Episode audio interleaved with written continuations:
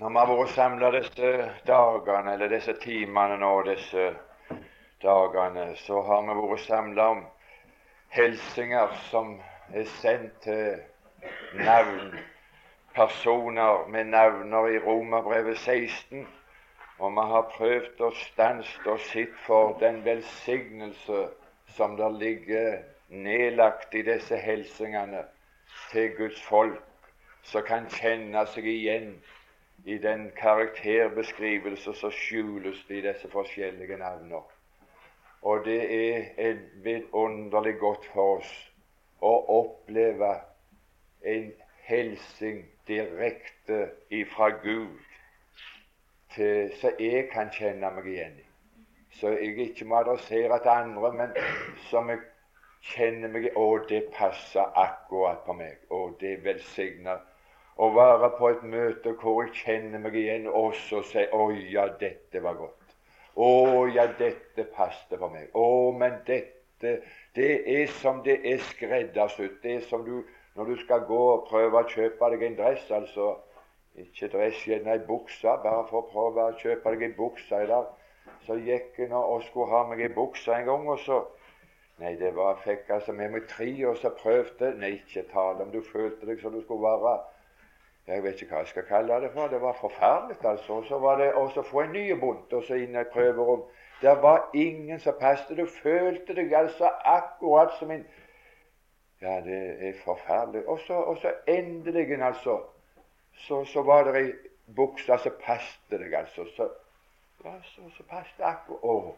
Jo, den passer meg akkurat. Den tar jeg. Å, den passet for meg. Og det er noe i Guds ord som ikke passer for alle, men så er det noe som passer for meg. Å, men det var godt at det var noe som passet for meg.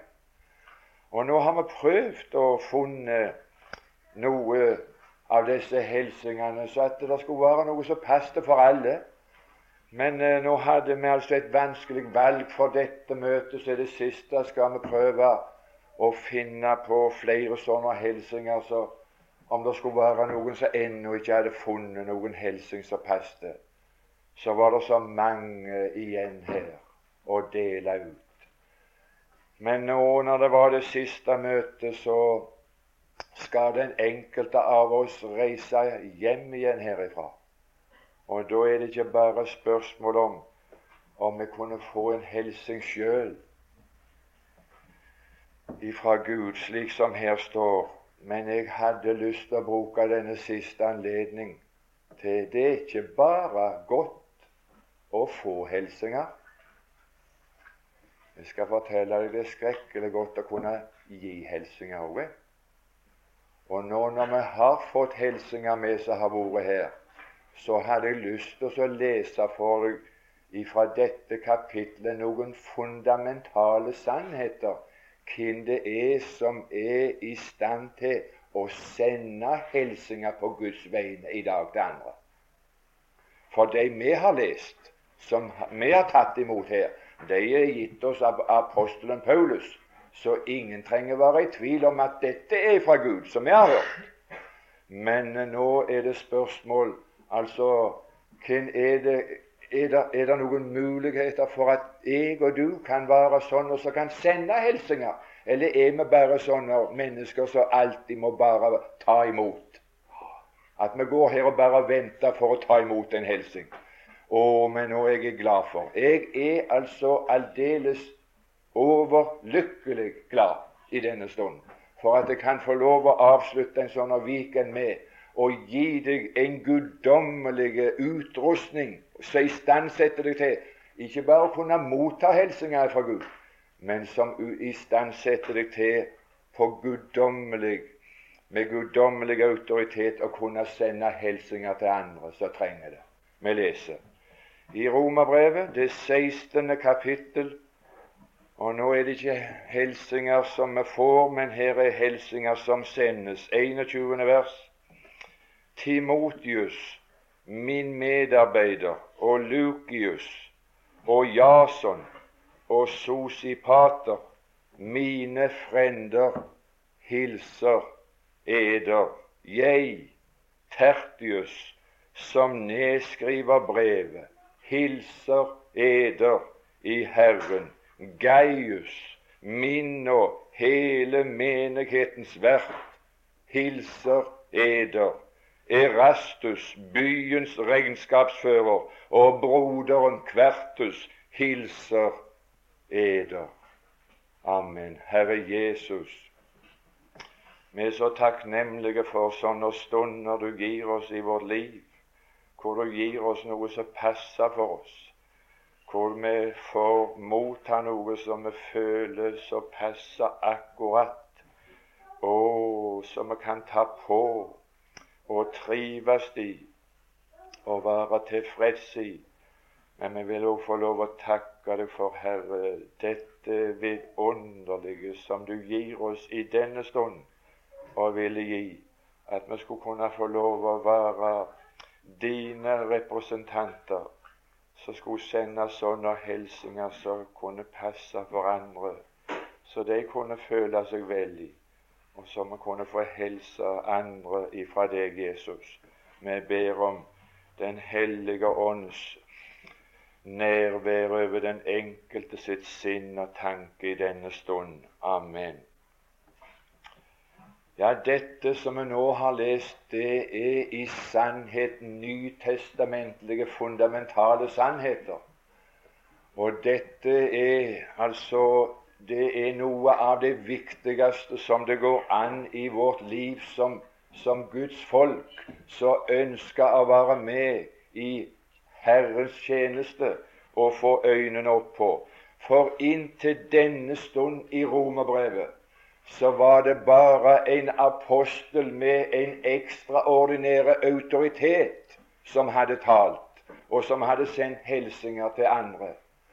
Men nå er vi i den situasjonen som lever nå, at vi har ingen apostler med ekstraordinære autoritet fra Gud som kan helse oss.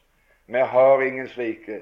Nå har vi ganske alminnelige forretningsfolker og, og fiskere og, og, bønder uten å være utrusta på ekstraordinære vis. Nå har vi slike som meg og deg, gutter og jenter, kvinner og menn, alminnelige mennesker, frelst av nåde uforskyldt, uten syner og uten åpenbarelser, uten noen som helst noe annet. De har tatt imot Jesus. Det er en sånn forsamling som sitter her. Og da er det spørsmål som er fundamentalt for oss. Hva er det som gir guddommelig rett og autoritet for oss å representere Herren i denne verden og kunne sende hilsener på Guds vegne til andre? Jeg vil bare få lov å lese om at den første Jeg skal prøve hvor langt vi kommer på det, det vet jeg ikke. Men Timotius hilser eder. Og Timotius han var ingen apostel. Han var ingen profet. Han var en alminnelig mann og gutt, sånn som sitter i denne forsamlingen. Timotius han var ifølge første Timotius brev, det første kapittel og det andre vers, han var min ekte sønn i troen. Det var bare én en eneste måte som Timotius hadde denne retten på å kunne helse andre på Guds vegne. Han var en troende. Han var en ekte troende. Han var en som var blitt troende på ekte vis uten å se, bare ved å høre. Apostelen Paulus han var, han var blitt en troende ved syn. han. Det var et syn, et himmelsk syn som viste seg for han utenfor Damaskus. Det er ingen ekstraordinære ting som har hendt i mitt liv, men jeg er en troende på ekte vis. En ekte sønn i troen. Jeg må få lov å påkalle din oppmerksomhet på på hvilken måte det er det mest vanlige og det mest naturlige formen når det foregår på ekte vis å bli en ekte sønn i tro. Hvorledes var det Timotius var blitt en troende? På nøyaktig samme måten som mange i denne forsamling er blitt det. Paulus kunne skrive til han i 2. Timotius brev, det er tredje kapittel, Og der det 14. vers. Men du, Timotius, du kan bare bli i det du har hørt. Og det var en måte som Timotius ble en ekte troende på. Han hadde hørt noe som en bitte liten gutt, og så bare ble han i det han hadde hørt. Bli du, Timotius, i det du har hørt, da du vet hvem du har lært av. Han hadde lært av en bestemor. Jeg vet om den uskrøntede tro som er i deg, Timotius, som først var i din mormor Louise og i din mor Eunike, og som jeg også er viss på deg. Det er den mest effektive måten å bli en troende på, en ekte troende. Det er at den tro som er bestemor, blir overført til gutten på bestemors fang, eller til jenta på bestemors fang eller på morstang. Jeg vet ingen større sjelevinnere eller bestemødre når de forteller om, om Gud og forteller om Jesus. Det er ingen som kan erstatte ei bestemor, og ingen kan erstatte ei mor. Derfor er det så skrekkelig vanskelig å nå de guttene og de jentene som ikke har hørt dette når de var liten og satt på fangenes bestemor. For når de hører om Jesus, så er det noe de aldri har hørt før. Så virker det så fremmed. Men du vet, når vi taler til de som er, har sittet på fangenes bestemor og mor og hørt dette fra de var ganske små, så kan vi bare si 'bli i det du har lært'. Og her i denne forsamling er det mange som bare har blitt i det de fikk høre av når bestemor og mor og bestefar og far når de er så heldige å ha troende både bestemødre og bestefar. Jeg kan ikke si noe mer om det. Det er iallfall noe vidunderlig at det er slo. Timotius som helse Navnet Timotius betyr Guds ære. Det er ingen som er så til stor ære for Gud som de som er troende, som er ekte troende som tror bare fordi de har hørt, som ikke har syn for seg, men som bare har tro. Salige er den som tror og ikke ser. Du, Thomas, du tror fordi du ser. Det er mange som har en slik begrunnelse for sin tro. Men den som er ekte, som er mest til ære for Gud, det er den som ikke stiller spørsmålstegn men som har fått en overbevisning. Bli du i det du har lært, som du er blitt overbevist om. Å, det er vidunderlig godt å har hørt noe ifra barndommen av som har gitt deg en overbevisning. Å, jeg vet det er sant, for bestemor lyver ikke for noe. med. Å, men det er til ære for Gud å være en troende som tror blindt på Gud, uten å stille spørsmål, uten å forlange bevis. Å, men det er til ære for Gud. Jeg kan ikke si mer om det, men jeg hadde lyst til å påkalle din oppmerksomhet at denne Timotius, som er en ekte sønn i troen, som ligner på oss i denne forsamling Denne, denne, denne dressen passer meg, altså. Jeg føler meg jeg, jeg, jeg, klarer å gå i den dressen der. Hvis jeg skulle få Davids Når David skulle få sausrustning på seg, så sa han nei, dette der jeg, føler meg uvel i denne her rustning. Få det av meg. La få på meg klær som passer meg, så jeg kan være fri og ledig og rørlig i, så kan jeg tjene Herren. Og det hadde jeg lyst til å si. Du må ikke gå i andre sine klær som ikke passer deg. Men hvis du kjenner deg igjen i denne Timotius, som er en ekte troende, fått en overbevisning, er til ære for Gud, så kaller Paulus han det er min medarbeider. Nå skal du få lov å være en håndlanger fra Paulus. Ikke en enearbeider. Du skal ikke settes på jobben og jobbe alene. Men du skal få lov å få en betroelse og få lov å samarbeide sammen med Paulus Å, men det er litt av en ære å være Paulus sin medarbeider i livet.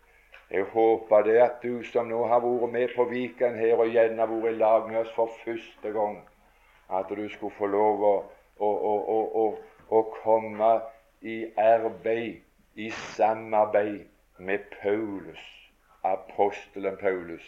En kan ikke si mer heller om det. Men uh, i apostlenes gjerninger, det 16. kapittel og det 5. vers, det er iallfall noe som Paulus sier han har lyst til når det gjelder deg, du som ligner på Timotius. Han ville Paulus ha med seg på sine reiser. Du kan tro Paulus har lyst til å ha deg med på sine reiser gjennom denne verden. Paulus, som er i full aktivitet hver dag overalt i denne verden. Paulus sine brever, Paulus, hedningenes apostel. Og kan tro at Paulus hadde lyst å få deg med som sin medarbeider. Nå er ikke Paulus her til stede, men Paulus sitt budskap er her. Han har bruk for deg som en håndlanger for apostelen Paulus sitt budskap. Han har bruk for føttene dine og bære det samme budskap som Paulus bar fram i denne verden, som erobra hedningene for Kristus. Og du må bli en Paulus sin medarbeider. Han ville Paulus gjerne ha med på sine reiser. Filippenserbrevet, andre kapittel. Å, men nå kommer det nå kommer det inn på brennaktuelle forhold i våre dager. Filippenserbrevets andre kapittel og det 19. vers. Paulus skriver til de troende i Filippi, og så sier han Jeg har det håp til Gud at jeg snart kan sende Timotius til dere. Å, jeg har det håp til Gud at jeg snart kan sende en som ligner på Timotius til dere. Ja, det var et håp den gangen.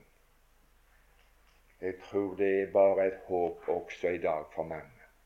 Det er ikke så ofte stedene får besøk av en sann Timotius i dag.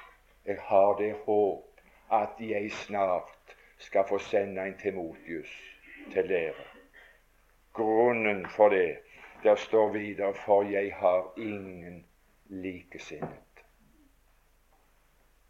Jeg har ingen likesinnet som kan ha oppriktig omsorg for eder like som Timotius.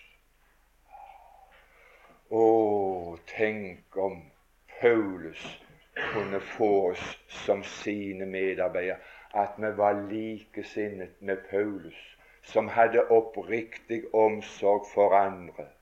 For andre. At det var slik at Paulus kunne få sende oss, at vi hadde oppriktig omsorg for andre. Hans prøvede troskap kjenner dere. Mer kan jeg ikke si om han, men det er sånne som har guddommelig autoritet å komme omkring og hilse andre ifra Gud.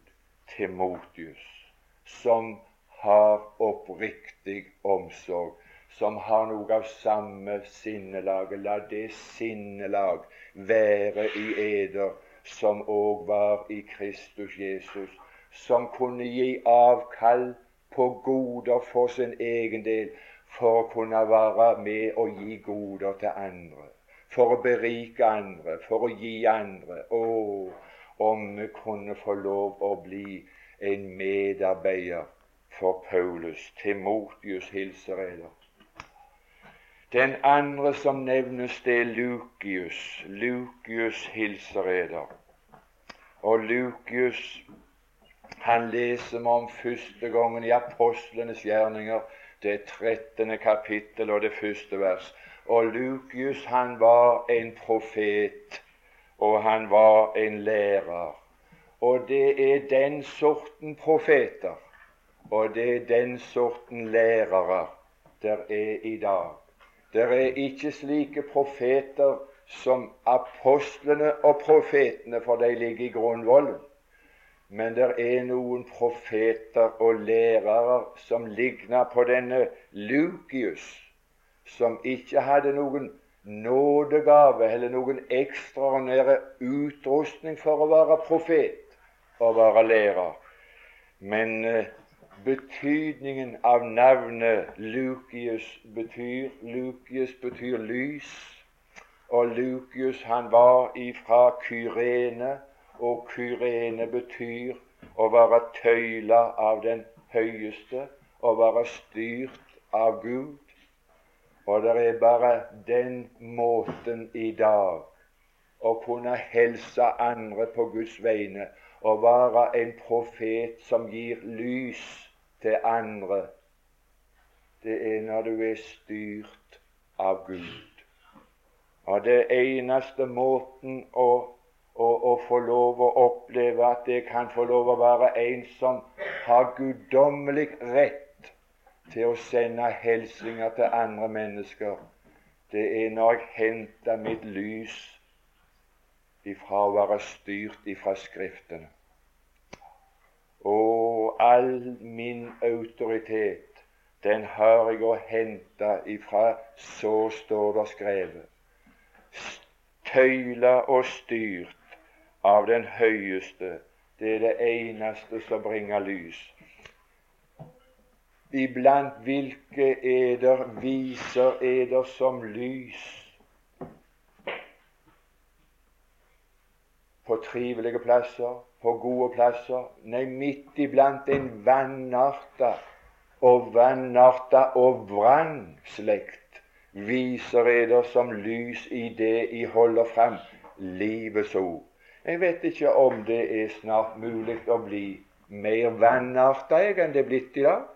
At slekten vår kan bli mer vannartet enn den har blitt i dag, det vet jeg ikke. altså. Jeg, jeg, jeg har ikke forutsetninger å kunne måle graderingen. Jeg vet bare at jeg, jeg synes altså at de er, de er vannarta, den slekten vi lever, og så er de vrange. De er snart det er bare ronger ut. Du, du møter snart ikke retta lenger. Det er ronger og så skal du, skal du, så, så skal du være en, en, Guds representant i, i, i en sånn vrange og vanarta slekt. Det, det, kan jo ikke nytte du, du får jo bare runger ut på dem. De, de, tar jo ikke imot. Hvordan skal jeg og du vise oss å være et lys som skal kunne helse, sende hilsener fra Gud i himmelen til mennesker som er så vrange og vanarta? Holde fram livets ord. Ikke hvilket som helst slags Guds ord men livets ord. Hva er det som er livets ord? Livets ord. Hva, er det som er lys i en mørke verden? Brennpunktet i Den hellige ånds lys, som er liv. Det er Golgata. Det er Golgata. Det er det som dette møtet var begynt med. Det er fullbrakt. Det er brennpunktet i Den hellige ånds lys. Det er livets ord. Livet utgår ifra Golgata. Han døde for alle, for at den som tror på han, tar imot han. De skal leve. Og det var en som var villig å dø i mitt sted for at jeg skulle leve ved ham. Kunne jeg og du være en sånn og sanne Lykius som kunne helse den døende verden? Det var en som døde i ditt sted. Han døde just for deg. Vil du love meg ifra dette, denne viken at den eneste helsing du skal prøve å helse verden med, de vanarta, de vrange mennesker skal, Jeg skal helse deg ifra Jesus. Han døde just for deg. Han døde just for slike som deg. Å, men da holder du fram livets ord. Og den som får lov å høre det, den som tror det, han er frelst. Takk, Jesus, velsignede Frelser, som døde for meg og sonet min synd og min brøde. Det er ingen som er så vanarta, og det er ingen som er så vrange at ikke dette ordet har en tiltrekning. Tenk, han døde for syndere som meg. Vil du love det? Vil du love det, du som har fått en hilsen ifra Gud som passet deg? Vil du love å sende hilsener til den døende verden med en hilsen som passer akkurat for deg, så de trenger? Det eneste den døende, vrange verden trenger, de trenger en frelser som døde for ugudelige. Som døde for dem mens de ennå var syndere, mens de ennå var umulige og vrange, uten botferdige. Han døde ikke for botferdige syndere. Han døde for vrange syndere. Han døde just. Vil du hilse dem med det? Vil du love det? Jason helser er. Jason hører vi om for første gang i Bibelen, i Apostlenes gjerninger, det 17. kapittel, og det femte og det sjette vers. Apostlenes gjerninger, det femte, 17 åttende kapittel og femte og det sjette vers. Og om det kunne, om det kunne være noe så, så kunne passe oss, at vi kunne finne at denne Jason, det passet for meg. Jeg, jeg skulle ønske det. Det står om denne Jason. Jason har tatt imot dem. Og de som Jason hadde tatt imot, det var Paulus. Han hadde tatt imot Paulus. Og Jason hadde tatt imot Paulus. Ja, jeg er ikke så 100% overbevist om at alle som har tatt imot Jesus, har tatt imot Paulus. For det står om en som kom til Rom. En som kom til Rom, og når han kom til Rom, så står det at han søkte med iver etter meg, sier Paulus. Og så tenker det til at når en mann kommer til Rom, og så har hedningenes største apostel vært i Rom i lange tider, så må han lete etter han, og lete med iver etter han.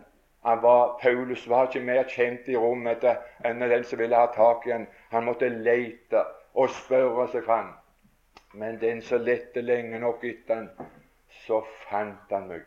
Dette jeg vil slå det opp. Første Timotius brev.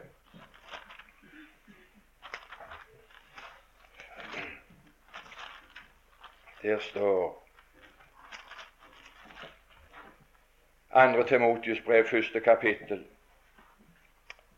16. vers. Herren viser miskunn mot Oniseforus' hus, for han har ofte vederkveget meg og ikke skammet seg ved mine lenker. Men da han var kommet til Rom, søkte han med stor iver etter meg og fant meg. Herren gi ham å finne miskunn hos Herren på hin dag. Og til hvor stor tjeneste han var i Efesus, det vet du selv best om. Rom det er ikke bare at det var en by som het Rom, men jeg skal si det, det at apostelen Paulus han er han er altså fengsla i et åndelig rom også i våre dager. Han er forsvunnet i et religiøst system som ligner på det romerske system. Vi har fått en, en kristendomsform hvor apostelen Paulus faktisk er i lenker, hvor det er mennesker som bare skal fôres med de fire evangeliene, og aldri finne Paulus, aldri får høre om Paulus. Du store mirakel. Jeg skal fortelle deg det, at det er, kommet slike tider i landet vårt og i verden at et menneske i dag som får høre om Paulus, de må søke med stor iver for å finne han. Men den som leter etter han, han skal finne han. Og finner du Paulus, så skal jeg fortelle deg du skal bli til stor til hvor stor tjeneste det skal bli. Ikke bare bli en stor tjeneste, men det skal bli en, en nyttig tjeneste hvis du blir i selskap med Paulus i din tjeneste for Herren. Jeg kan ikke si mer om det. Jeg skulle, ha, jeg skulle ha gjort det, men jeg kan ikke. Men denne Jason han var en av de som hadde funnet Paulus, og han hadde tatt imot Paulus. Men det å ta imot Paulus, det å høre dette vidunderlige evangeliet som Paulus kaller for mitt evangelie, som jeg ikke har hørt av noen mennesker før. Jeg kan ikke sitere den eller den, men mitt evangelie som jeg har fått ved en åpenbarelse fra Gud. Og Paulus sitt evangelie begynner med Jesus døde for våre synder etter Skriften. Har du tatt imot det, så blir det snakk om å innestå for det. Jason hadde ikke bare tatt imot Paulus, men han innesto. Han tok oss og, og gjorde seg identiske med Paulus. Når Paulus kom under forfølgelse, så tok Jason imot Paulus, og så, og så sa han skal Paulus arresteres, så er han under mitt tak. Så har jeg skjult han. Jeg forsvarer Paulus med mitt liv. Jeg gjør meg til ett med Paulus. Så er Paulus under forfølgelse, så blir jeg forfulgt. Jason hadde ikke bare tatt imot, men han innesto for. Han, han, han, han, han tok imot han i sitt hus og beskyttet han imot forfølgerne. Og så ble det en forferdelig oppstandelse. Så ble det noe forferdelig. Men Jason,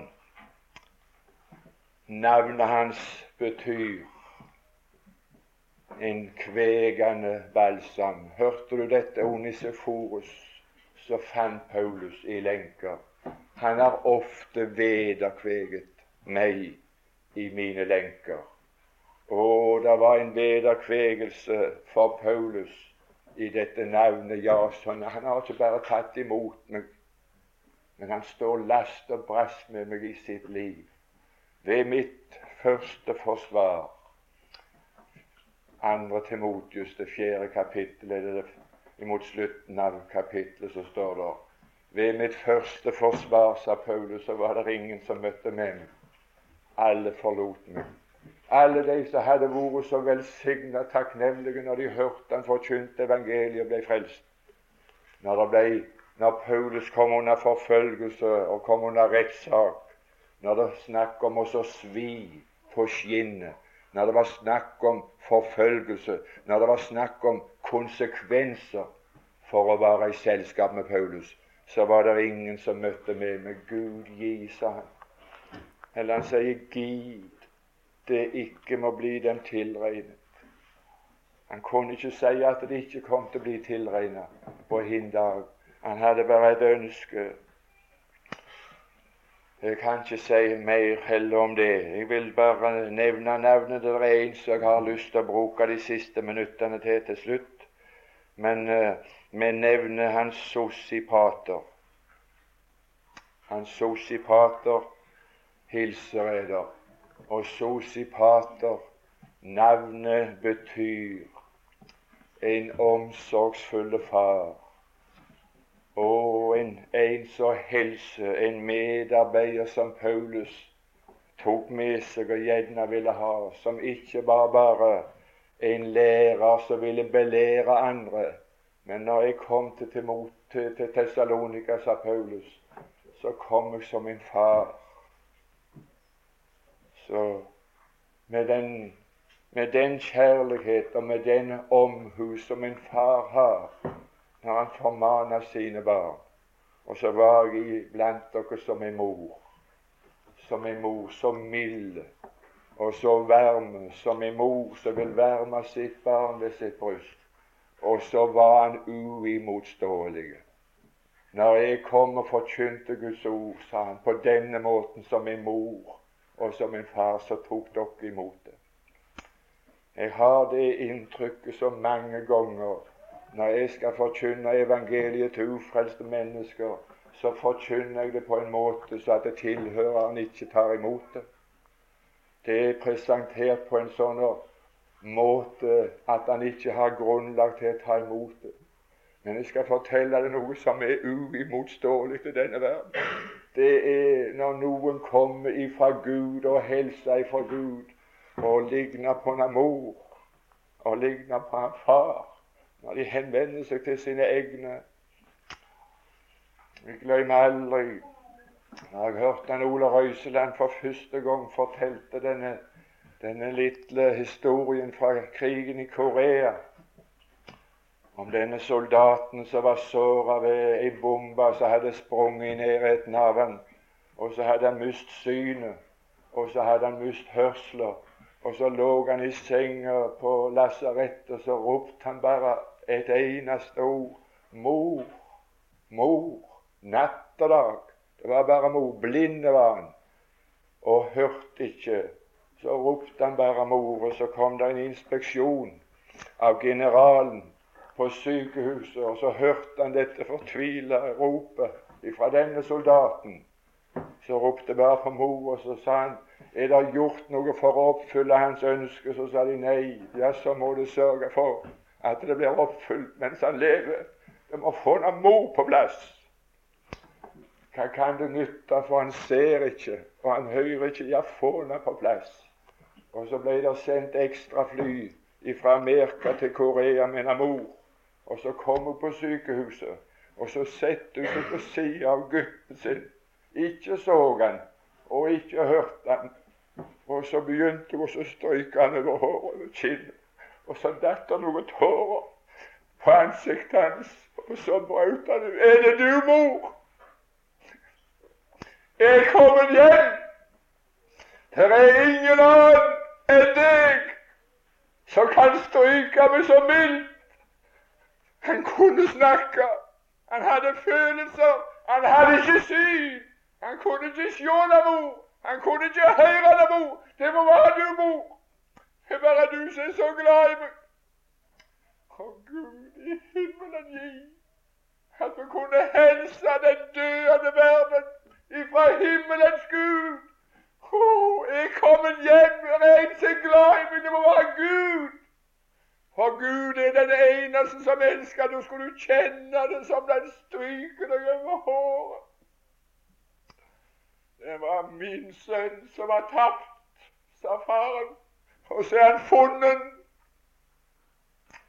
Det er ikke det samme på hvilken måte vi henvender oss til ufrelste mennesker. Bare pass deg. Du kan bringe og gjøre dem en bjørnetjeneste. Skal vi henvende oss til ufrelste mennesker, så må det være med det sinnelaget som er Gud. La det sinn være i eder, som en mor, som en far, som en sosipater. Og når sånne er virksomhet og helse, så kommer den neste Tertius Han må vi hoppe over, men jeg kunne ha lyst til å sagt noe til alle de som går på skolene om denne Tertius. Det er en velsigna person, denne Tertius. Jeg, Tertius Vet du hva Tertius betyr? Han betyr den tredje. Og nedskriveren av dette brev, og nedskriveren av alle brev, de er den tredje. For nedskriveren av Bibelen er den tredje person i guddom. Ethvert skrift, den hele skrift, er innblest av Gud. Intet profetord i Skriften er gitt til egen tydning. Men de hellige Guds menn, de talte, og så skrev de dreven av Den hellige ånd. Så Skriften i Bibelen ikke bare innholdet, men Skriften i grunnteksten er dreven fram av Den hellige ånd. Den hele Skrift er innblest av Gud. Intet Skriften ikke, ikke en del av Skriften, et innhold i Skriften, men Skriften kan ikke gjøres ugyldig. Ikke en tøddel av ordene i Bibelen kan forgå. Himmel og jord skal forgå, men ikke en tøddel av loven skal forgå. Den hele Skrift er innblåst av Gud, og den er nyttig. Det er ikke ett unyttig ord i Bibelen. Du må helse dem på denne måten at Bibelen som er nedskrevet, er nedskreven av Den hellige ånd gjennom medier som bare var den tredje personen i funksjon. Det var Den hellige ånd. De hellige Guds menn talte dreven av Den hellige ånd. Og derfor er de skriftene som vi har i Bibelen, de er kalt for de hellige skrifter. De er i dette samme 16. kapittel og det 26. vers fortalte oss men nå er kommet for lyset og ved profetiske skrifter. Det er, ikke, det er ikke mennesker som har skrevet Bibelen, men det er profeter som har skrevet Bibelen. Og disse skriftene er profetiske skrifter. Og det å være profetiske skrifter, det er at Skriften er, ned, er dreven fram av Den hellige ånd, og det er ikke ett unyttig ord. Ikke. Så var det det siste, neste, det siste der. Gaius. Å, herlige land. For, for, for en person å lese om i Bibelen når, når han hilser Gaius, min og hele menighetens vert, hilser jeg da. Å, herlige land. Vet du hva vertens oppgave på Fjellstua har vært denne gangen? Ja, vi har, jeg, jeg var nå borte igjen altså når det ble så mye folk. Så sa jeg ja, dette er fæle greier. Så jeg altså at det, det, det blir jo påført et forferdelig arbeid her som er over altså grensen av det som dere var interessert i. Så sa han nei, altså det er, det er vår jobb, det. Det er vår jobb. Det er altså vår lyst, det er vår det er vertens oppgave det er å be opp hvert andre, det. An, an, an, ja, men du får det så travelt. Ja, men det er min jobb, det. Det, det, det, det, får jeg vært her på fjellstua. Det er altså at jeg skal oppvarte andre. Det er det jeg har betaling for. Men at han gjør det der oppe på fjellstua, ja, det forstår jeg godt, for vi betaler jo for oss alle sammen, sa han. Vi har betalt for oss. Men jeg må få lov til å spørre deg, altså, om Gaius, som er hele menighetens vert, hans oppgave òg er å oppverte andre. Men hvem er det som betaler han? Hvem er det som betaler Gaius? Er det du som betaler for, for opphold? For at han skal oppverte deg? Ja, du skjønner det altså at når vi leste i Lukas evangeliet om, eh, om, om, om denne stakkaren som var falt iblant røvere, og, og samaritaneren fikk tak i han og redda ham så, så, tok han han opp på sitt eget dyr, og så førte han han til et herberge. Og så sier samaritaneren til verten i herberget Se her, sa han, her skal du få forskuddsbetaling. Han der karen der, han, han skal ikke betale for seg, men det er din jobb å pleie han. Det er din jobb å pleie han, men du skal få forskuddsbetaling av meg. Du skal slippe å vente på betaling òg. Verten, hele menighetens vert, de som skal oppverte andre troende, de skal bare oppverte. De skal bare slite seg ut. For andre skal ha det godt. Og så er det ikke for at de har fått betaling av de som de jobber for, men han som, som, som har sagt oss at vi skal pleie andre, han har sagt her har du forskuddsbetaling. Og så er det ikke bare forskuddsbetaling, men det kan bli spørsmål å legge mer ut. For det er alltid snakk om å legge ut når det er pleiearbeid. Og det er vidunderlig når vi har en slik vert i funksjon i hele menigheten. Når de som vil tjene i menigheten, at de vil oppverte andre, at de vil slite seg ut for at de andre troende skal ha det godt.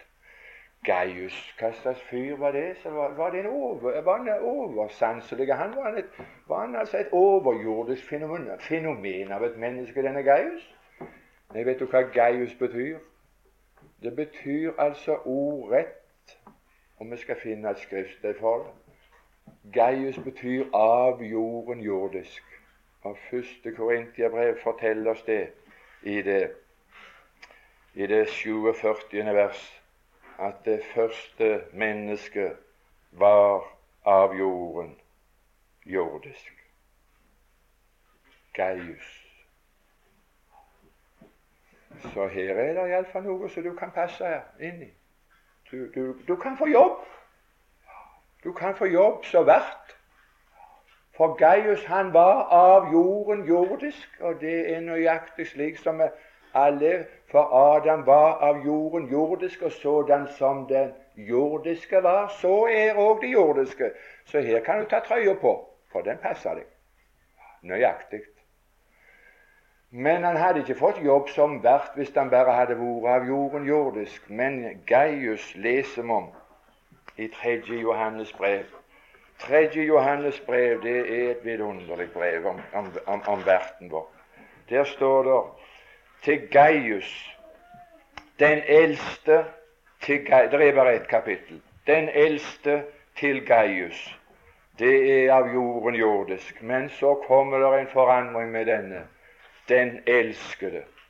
Det var den dagen han sa ja til Herren. Det var den dagen han tok imot Jesus. Så kom han inn i det andre mennesket, og det andre mennesket er av himmelen himmelsk. Og sådan som den himmelske er, så er òg de himmelske. Det står nå ikke akkurat sånt der, da, men det står slik i Johannes brev, første brev, fjerde kapittel og 17. vers, sådan som han er, så er òg vi i denne verden. Nei, du store mirakel. Kan du se dette? Følger du med nå? Jesus var av himmelen himmelsk og var den eneste som var Guds elskede. Se, dette er min sønn, den elskede. Så er det et evangelium som skjer. Så tar jeg og du imot Jesus, imot evangeliet så kommer vi inn i det annet mennesket som er av himmelen. Og sådan som han er, var alene Guds elskede, så er vi nå alle Guds elskede. Se dette. Denne her Gaius som var av jorden jordisk og var under forbannelse. Jeg er nå av himmelen himmelsk, og jeg er, er Guds elskede barn. Guds elskede sønn. Vi er Guds elskede, hver bidige en som har tatt imot Jesus. Så dette òg passer. Du kan, du, kan, du kan, bare se dette passer på oss alle sammen. Du kan, du kan få jobb som vert. Hele menighetens vert. Og så står det han, og nå er det slutt. Hvorledes han hadde det, du vil for snart få finne det ut. Du elskede, jeg ønsker. Og det er bare et ønske også for min del, for mitt eget vedkommende, så dette passer. Jeg ønsker at du i alle deler må ha det godt. Det, det er bare en, en ønskedrøm, det, for meg. Jeg ønsker at du i alle deler må ha det godt. Ønsker ikke du òg det? Har du det? Har du det i alle deler godt? Jeg sier nei, men det er mitt ønske. Ja, Og så han som sier det til meg, han sier 'Å, jeg òg ønsker Arnold, at du i alle deler skulle ha det godt'. Men det der er det fremtidsmusikk. Det kommer nok en dag hvor vi skal ha det godt i alle deler.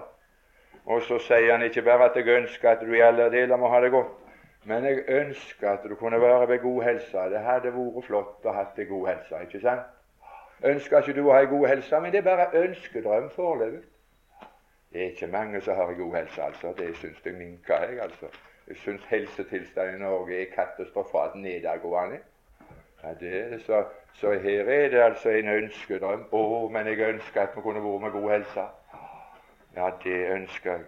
Men han hadde noe så han hadde lyst å, å, å, å løfte det opp imot.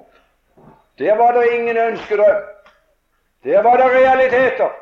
Der var det noe som var konstant som ikke svingde, som ikke var død, like som din sjel har det godt. Passer det?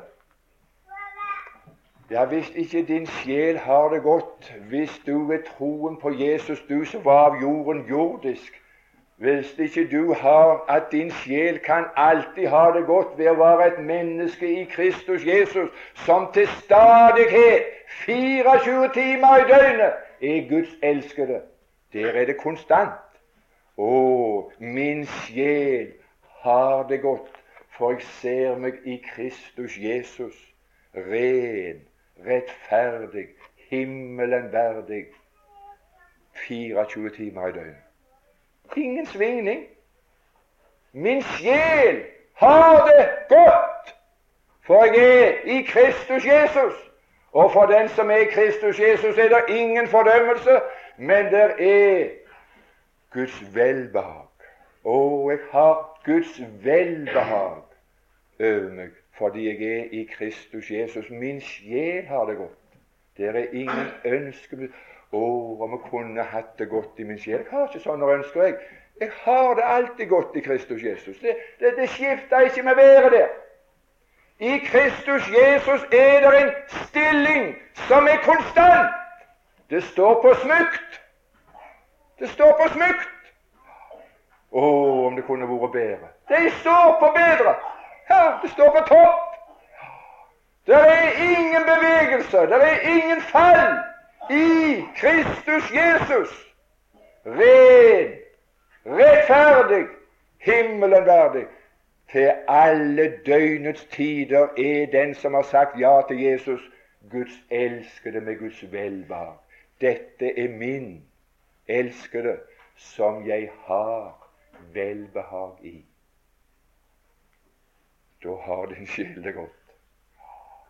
Da har din sjel det godt. Det er litt av en vert.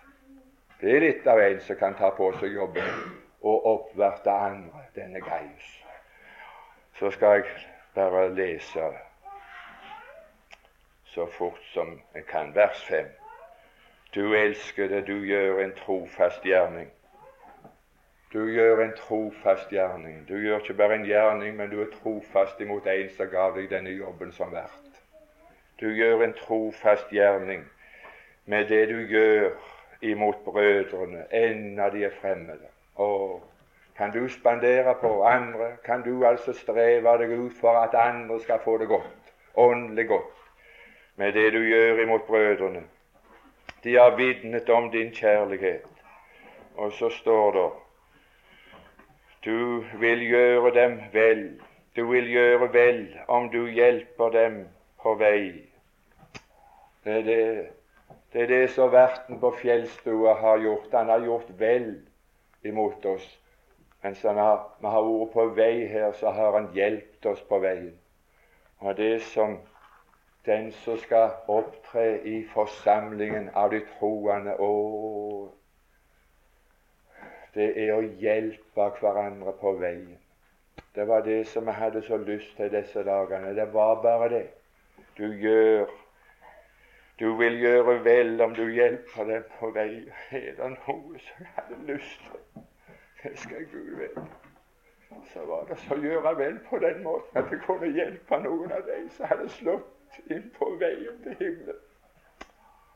Det er så få som hjelper deg. Det er så få som jager på deg. Du må, du, du, akkurat som du har noen hunder som bjeffer. Nå må du ta deg sammen. Nå må du henge i, eller så er, så er det tapt. Du må få lov å minne om til slutt Vi når ikke lenger. Jeg må få minne om til slutt en forstander i Frikirka som var med på Solborg på en bibelkonferanse. Jeg var der ikke. Men det kom hjem en kursdeltaker fra den bibelkonferansen hjem til Åkra. Og så fortalte hun noe som hadde blitt så skrekkelig dyrebart for henne. Og når hun fortalte det til meg, så ble det like dyrebart for meg. Og så har jeg fortalt det til andre, så har det blitt like dyrebart for andre. Og du verden for en kjedereaksjon hvis vi lar det gå videre. Den hjelp vi selv har fått, den skulle vi hjelpe andre med. Det som har trøsta oss, det var for at vi skulle kunne trøste andre med den trøst hvor vi selv ble trøstet. Så hadde denne forstanderen lest ifra profeten Esaias om Herren. Herren sier 'Jeg er den første', og så vanligvis så vet vi at det står 'Jeg er den siste', men i dette tilfellet så sto det annerledes. 'Jeg er den første hos den siste' er jeg også. så hadde jeg en opplevelse av det sa han jeg var på tur. Så hadde jeg dattera mi med. Så skulle vi på tur oppe, oppe i fjellet. Og så var hun ikke så sterk uh, av bygning, og så var hun ikke sterk uh, helsemessig. Men hun hadde så lyst til å være med på den turen, og så hadde jeg sagt på turen for at du skulle føle seg trygg. Du trenger ikke være redd. Jeg skal være sist av hele flokken, så, så du trenger ikke være redd om du skulle bli trøtt og, og, og bli, at du mister synet av de andre.